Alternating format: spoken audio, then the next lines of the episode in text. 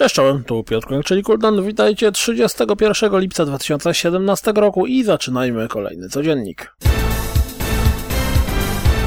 Oto nowy zwiastun Shadow of War przedstawiający postać Agonizera. Swoją drogą, zacząłem właśnie grać w Shadow of Mordor i Jezu, jaka to jest dobra gra. The Sims 4 zmierzają na konsolę. Stanie się to już, albo i dopiero 17 listopada. Jak widzimy w nowym zwiastunie The Escapist 2 zabierze nas również w kosmos. Oto nowy zwiastun Hellblade Senua Sacrifice. Ciekawe co wyjdzie z tej gry. Premiera już za tydzień. Sądząc po zwiastunie Antiqua Lost, to oprócz małej grudki, fana... grudki, grupki fanatyków klasycznych japońskich RPGów, nikt z was raczej się nią nie zainteresuje.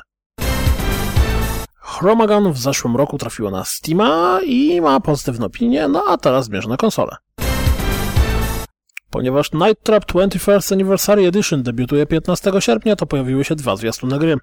W tym jeden prezentujący grywalny prototyp gry dostępny w tej edycji. Ktoś z Was, oprócz Preza, czeka na tego cudaka?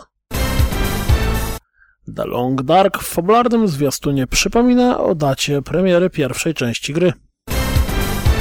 Pojawił się zwiastun prezentujący lokację z Ash of Creation. Ładnie to wygląda, ale nic o tej grze nigdy wcześniej nie słyszałem. A wy?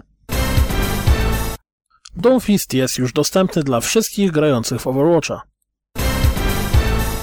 Cena PlayStation Plus od września pójdzie w górę. Roczny abonament będzie nas kosztował 250 zł. Capcom ogłosił raport finansowy, z którego wynika, że sprzedało się 3,7 miliona kopii Resident Evil 7, czyli jakieś 6 milionów mniej niż planowali.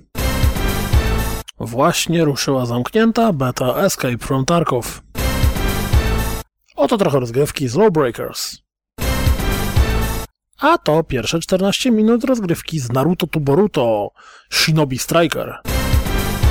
A na zakończenie jeszcze trochę rozgrywki z Monster Hunter World.